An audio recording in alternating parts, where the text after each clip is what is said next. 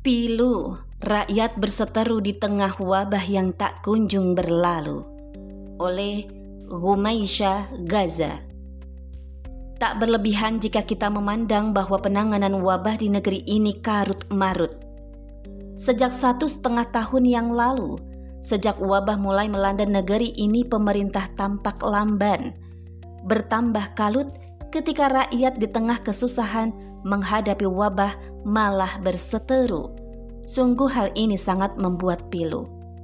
Salamat Sianipar, 45 tahun, menjadi korban penganiayaan di desanya pada Kamis 22 Juli 2021. Desa Sianipar Bulu Silape, Kecamatan Selain, Kabupaten Toba.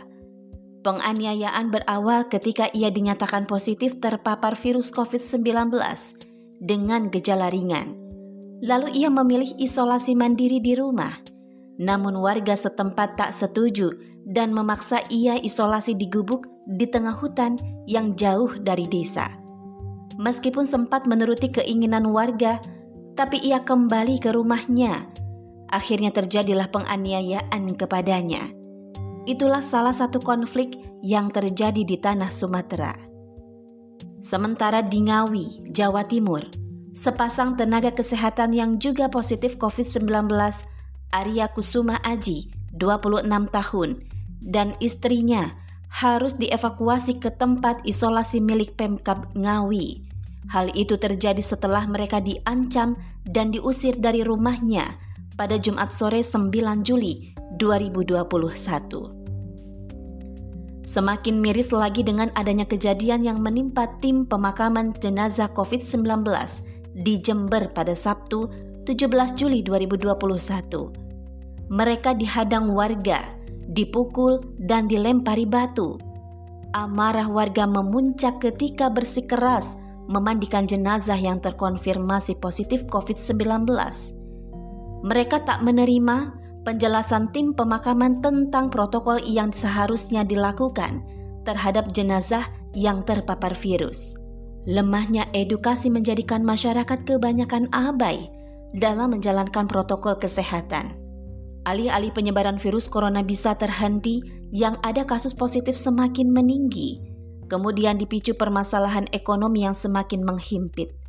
Jelas rakyat sangat tertekan dan sulit untuk berpikir jernih, mudah tersulut emosi. Tak jarang informasi yang berseliweran di media titelan begitu saja, bahkan tak sedikit yang kemudian terjebak hoax. Namun jika kita tarik benang merahnya, semua ini bermuara pada ketidakpercayaan rakyat akan setiap kebijakan yang ditetapkan pemerintah.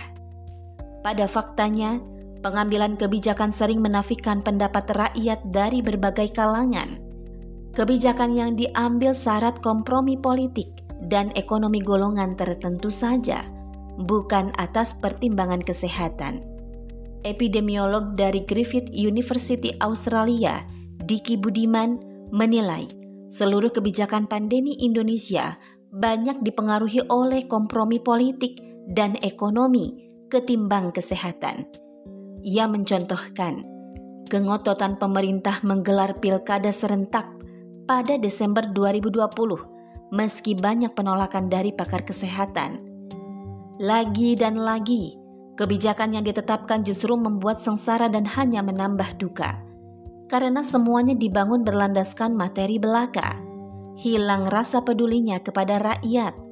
Akhirnya rakyat harus menyadari bahwa inilah konsekuensi diterapkannya sistem kapitalisme di negeri ini. Sampai kapan pun, para penguasa hanya fokus meraih keuntungan, bukan berusaha memberikan pelayanan terbaik bagi rakyatnya. Padahal dalam Islam telah ditetapkan bahwa penguasa atau negara adalah pengurus, ro'in, dan penjaga atau junnah bagi rakyatnya.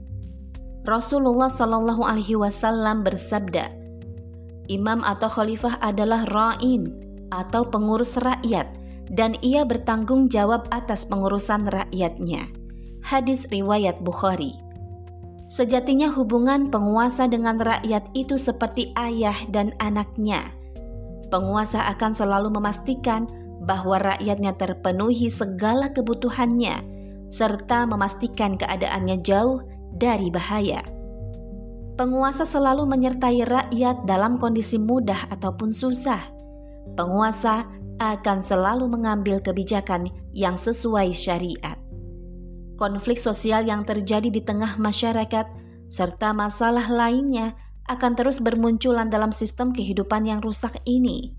Sudah saatnya kita menyadari bahwa untuk memecahkan problematika di tengah masyarakat kita harus kembali pada syariat sudah saatnya kita menyudahi berbagai kisah pilu dalam kehidupan dengan kembali pada sistem Islam yang membawa pada keselamatan dan kesejahteraan, yakni sistem Islam.